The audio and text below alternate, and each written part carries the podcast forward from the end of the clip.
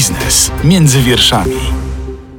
Agnieszka Zaręba, dzień dobry, witam w kolejnym odcinku podcastu Biznes między wierszami w Radiu ZPL. Tym razem porozmawiamy o inflacji medycznej i o tym, w jaki sposób ceny usług medycznych będą rosły w najbliższym czasie i czy wpłynie to na ich dostępność. Anna Rulkiewicz, prezes grupy LuxMed, jest moim Państwa gościem. Dzień dobry. Dzień dobry, witam. Dużo mówimy o inflacji. Teraz kolejnym krokiem, który podnosimy, jest inflacja medyczna. Podnosimy ten wątek w trakcie 31. edycji Forum Ekonomicznego w Karpaczu, gdzie się spotykamy. Co przed nami, co w najbliższym czasie? Będzie trudniej dostać się do lekarza, do specjalisty? Czy będzie to droższe? Może tak, zaczniemy oczywiście od tej inflacji medycznej, bo ona jest i była dużo wcześniej niż e, e, ta nasza główna inflacja, o której wszyscy dzisiaj rozmawiamy. Inflacja medyczna zaczęła się od 2013 roku i tak powolutku sobie rosła, aż doszła do 20% w tej chwili, więc ona jest wyższa niż normalna inflacja. Presja wynagrodzeń jest, jest ogromna i to, w, bym powiedziała, szeroko rozumianym sektorze medycznym wszystkie zawody, zawody zawody medyczne, więc e, no nie ma, e, oprócz tego, oprócz tej inflacji medycznej, bo my jakby mówimy, ona jest największym e, problemem, bo to jest zawsze ta większość kosztów w firmach medycznych, ale mamy również ogromne koszty funkcjonowania przedsiębiorstwa, jak energia, gaz, odpady medyczne, tak, poddostawcy wszyscy nasi, że tak powiem, partnerzy biznesowi podnoszą ceny, więc tu jest proste, niestety bym powiedziała, proste, a z drugiej strony bardzo bolesne przełożenie, bo to się przekłada wszędzie na wzrost cen, czyli przełoży się również na i przekłada się na wzrost cen e, dla pacjentów. Powiedzmy, jak to będzie wyglądało w praktyce, kiedy pójdą te ceny w górę i jaki to będzie rząd wielkości? One idą już. Ja pamiętam jeden z moich wywiadów, który miałam, e, że mówiłam wyraźnie wtedy, że w drugim półroczu 2022 rozpocznie się wzrost e, cen. Nawet dzisiaj mi to przypomniano. I tak jak powiedziałam, połowa 2020 została ustalona pensja minimalna, jest ogromna e, inflacja, w związku z tym to już się dzieje i ten wzrost jest taki, ja bym powiedziała, minimalnie tak jak inflacja medyczna, a jeszcze w górę, bo to wszystko w zależności od tego, tego, jaki jest, jaka jest rentowność, jaki jest, e, jaki jest e, kontrakt, e, więc te ceny rosną od kilkunastu do kilkudziesięciu procent. A ile wzrosły koszty działalności państwa grupy w ostatnich miesiącach? No, powiem tak, sama inflacja medyczna 20% i do tego dochodzą wszystkie około, tak? I to są, no, ja chcę powiedzieć tylko, że za gaz czy za, za energię to są kilkudziesięcioprocentowe wzrosty bardzo często, tak? No to jest, to są bardzo trudne, trudne momenty i, i, i, też nie wiemy, kto zostanie zwolniony, a kto nie zostanie zwolniony z tych, e, z tych kosztów. No boimy się też oszczędzania tej energii, jeżeli chodzi o szpitale, bo przecież musimy świadczyć e, te usługi. No, dużo niewiadomych, natomiast koszty, koszty e, ogromne i zastanawiam się, czy jeszcze na zdrowiu bardziej można oszczędzać, bo i tak oszczędzaliśmy. No, trudny moment przed nami, bardzo trudny. E, czy to oznacza, że z tej finansowej strony największym wyzwaniem są teraz e, dla Państwa ceny surowców? Największym wyzwaniem jest wzrost e, inflacja medyczna. Dlatego, że to cały czas jest 70, nawet czasami do 80% wszystkich kosztów medycznych. To wyjaśnijmy, na czym polega ta inflacja medyczna i czym różni się od tej standardowej, którą odczuwamy na co dzień i którą widzimy na sklepowych półkach. Inflacja medyczna to jest przede wszystkim wzrost, e, wzrost wynagrodzeń, to się przekłada przecież na, od razu na, na, na, wzrost wszystkich usług, materiałów medycznych, no to wszystko, e, wszystko tam rośnie, ale ja bym to naprawdę, bo tu nie ma co komplikować, to jest przede wszystkim wzrost wynagrodzeń i to powinniśmy bardzo mocno e, zapamiętać, co nie oznacza, czy to jest złe, czy to nie jest złe, ja nie chcę w ten sposób tego definiować, bo ten wzrost wynagrodzeń, jeżeli chodzi o personel medyczny, on się pojawiał i musiał się pojawiać, natomiast no teraz to jest, to jest ja nie wiem, no wystrzeliliśmy jak w kosmos. Więc i, i to jest bardzo bolesne. No i, i dla przedsiębiorcy, e, i dla firmy medycznej, i dla konsumenta i pacjenta. Firmy medyczne już teraz zapowiadają dwucyfrowe podwyżki. W najbliższych tygodniach, miesiącach przełoży się to konkretnie na podwyżki cen usług? Tak, tak się, to się, ja chcę powiedzieć, że to się dzieje. My, my już podwyższamy, tak? dlatego że ten wzrost, ta nasza inflacja medyczna dwu, dwucyfrowa, czyli 20%, no to ona już jest od kilku dobrych miesięcy. Apeluje Pani, żeby nie oszczędzać na zdrowiu? Oczywiście, że apeluję, żeby nie oszczędzać na zdrowiu, ale też racjonalnie wydawać e, e, pieniądze. No wszyscy mamy, wszyscy mamy problem, ale inflację musimy zatrzymać. Czyli ja bym powiedziała, że trzeba robić wszystko, co w naszej mocy, żeby zatrzymać inflację, bo tak to nie wiem, dokąd pójdziemy. Rozmawiamy o tym kryzysie kryzysie inflacyjnym, ale jest jeszcze coś takiego jak kryzys na medycznym rynku pracy. Jak to Państwo odczuwacie?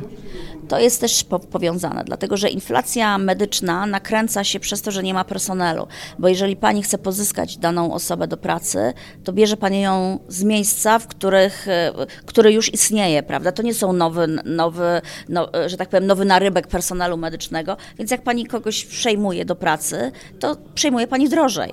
I to też jest, e, a to wpływa też na dostępność, bo teraz jeżeli zaczniemy sobie wszyscy zabierać ten personel medyczny, to nakręcamy tą inflację e, jeszcze wyżej, a teraz jeżeli nie zaczniemy tego robić w żaden sposób, no to pacjent będzie miał gorszą dostępność, czyli i tak niedobrze, i tak niedobrze. I trzeba się naprawdę zastanowić, co zrobić, ale wydaje mi się, że najpierw z jednej strony no, ta, ta, ten brak personelu to nie jest też tak, że to się szybko pojawi, aczkolwiek tu moja absolutna prośba do jak najszybszego dawania wszelkich e, pozwoleń na pracę e, osobom z Ukrainy, bo ja to mówiłam, my mamy 200 osób, ponad 200 osób zatrudnionych e, z Ukrainy, w tych 72 lekarzy złożyliśmy prawie 40 wniosków, już kilka dobrych miesięcy temu jeszcze nikt nie dostał pozwolenia. No ale jak to możliwe? Przecież słyszymy od rządzących, słyszymy od polityków, jeżeli chodzi o tę siłę zawodową, siłę medyczną napływającą również z Ukrainy, no to powinna być e, dostępna dla nas na naszym polskim rynku pracy. Nie przekłada się to na praktykę?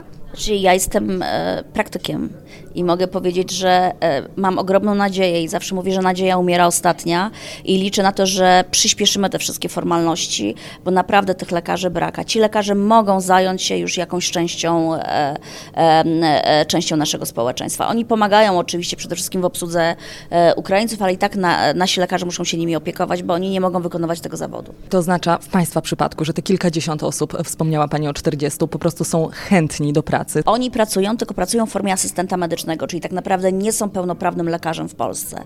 I my czekamy na te wydanie tych pozwoleń, a te pozwolenia mają być wydawane na dwa lata, tak żeby oni mogli wykonywać już swoją, e, to do czego, e, czego się uczyli to, co, i to, co potrafią. Więc na razie pracują jako asystenci, uczą się języka. No to wszystko też są koszty, bo proszę zauważyć, że jak myśmy zatrudnili ponad 200 osób, to e, wszyscy mają intensywny kurs języka polskiego, koordynujemy wszystkie, całą dokumentację, więc jakby my wydajemy też sporo naszych własnych środków, żeby ich tutaj e, no, za, zabezpieczyć, tak żeby mogli ten zawód wykonywać, bo część z nich po prostu nie ma gdzie wrócić. A niech Pani powie, jak ta inflacja medyczna, wzrost kosztów surowców, te problemy także z zatrudnieniem specjalistów przełożą się na dostępność usług medycznych, no bo nie jest tajemnicą, że w poprzednich latach, jeżeli chodzi o publiczną służbę zdrowia, to pacjenci często narzekali na bardzo długie terminy, na brak dostępności, brak takiej możliwości. Jak teraz będzie wyglądał ten rynek z Państwa perspektywy? Może tak. Nam zależy przede wszystkim na świadczeniu jak najlepszej opieki, więc my będziemy robić wszystko, żeby to nie dotykało jeżeli, e, naszych pacjentów. E, więc tu też dużo rzeczy musi pójść w cyfryzację, digitalizację i my to robimy, prawda? I trzeba się trochę nauczyć innego sposobu opieki nad pacjentem. Z jednej strony my, z drugiej strony pacjent. To, co już się zaczęło, porady, musi to pójść jeszcze bardziej, jeszcze mocniej, e, w, że, że tak powiem, w digitalizację, bo, bo lekarz ma tylko ileś tam godzin, prawda? Jak jest ich limitowana liczba, to część maszyn musi pewne proste funkcje wykonywać i to trzeba maksymalnie przyspieszyć, ale też trzeba sobie szczerze powiedzieć, że e, jeżeli chcemy zachować jakość, to wszystko musi więcej kosztować, więc jeżeli będzie więcej kosztowało, no to wtedy będziemy w stanie jakby próbować utrzymywać tą jakość i pozyskiwać lekarzy, ale to też będzie trochę nakręcanie się tej inflacji, więc e, róbmy wszystko, żeby, żebyśmy ściągali tych lekarzy również z zewnątrz. To teraz już tak na sam koniec podsumowując, jakie są największe wyzwania, z którymi się teraz Państwo mierzycie i jakie są Państwa propozycje rozwiązania tych problemów? Przede wszystkim wzrost cen i wzrost wynagrodzeń. Tak? I dzisiaj to odczuwamy jako kula napędzająca się samoistnie e, i to jest największe niebezpieczeństwo dla gospodarki, to jest największe niebezpieczeństwo dochodzenia do spowolnienia e, gospodarczego i mam nadzieję, że nie dojdzie do recesji, bo nigdy tego Polska nie przeżyła, więc e, mam nadzieję, że tego nie będzie jeszcze cały czas mamy, że tak powiem, nie mamy bezrobocia i to jest jakby ta, ta, ta siła, ale rekomendacja jest przede wszystkim, że my musimy walczyć z inflacją. Nie napędzać jej, nie, nie, nie, nie, nie, nie podbijać tej inflacji i faktycznie się tym, e, e, tym zająć. I też moim zdaniem, co, co bardzo bym sobie życzyła, dobra, zacznijmy mocno też oszczędzać i jako kraj, tak? Więc e, i energię, i, i wszystko, co wokół nas jest, bo ja dzisiaj nie mam poczucia, że jesteśmy na zimę przygotowani. I boję się, ja się najbardziej boję tego, co się wydarzy za kilka miesięcy. A czy te rozmowy w takim razie z rządzącymi, z politykami idą w dobrym kierunku? Wiem, że prowadzi Pani taki dialog, bo spotykamy się w trakcie forum ekonomicznego w Karpaczu, więc wiem, że te rozmowy i te wątki się pojawiają w kuluarowych e, rozmowach, ale także podczas paneli. Ja powiem Pani tak, prowadzić to może my prowadzimy, tylko nie wiem, czy to jest jednostronne prowadzenie, czy to jest dwustronna rozmowa. Y, My mamy za dużo polityki w rzeczach, które dotyczą e, kraju tak, i naszej gospodarki, więc mniej polityki i faktycznie myślenia o tym, co jest dobre dla kraju, a nie dla wyborów. I tutaj postawimy kropkę. Bardzo serdecznie dziękuję za tę rozmowę. Dziękuję bardzo. A Państwa zachęcamy do słuchania kolejnych odcinków z cyklu Biznes między wierszami, tym razem z Karpacza. Agnieszka Zaręba, do usłyszenia. Biznes między wierszami. Więcej podcastów na player radioz.pl.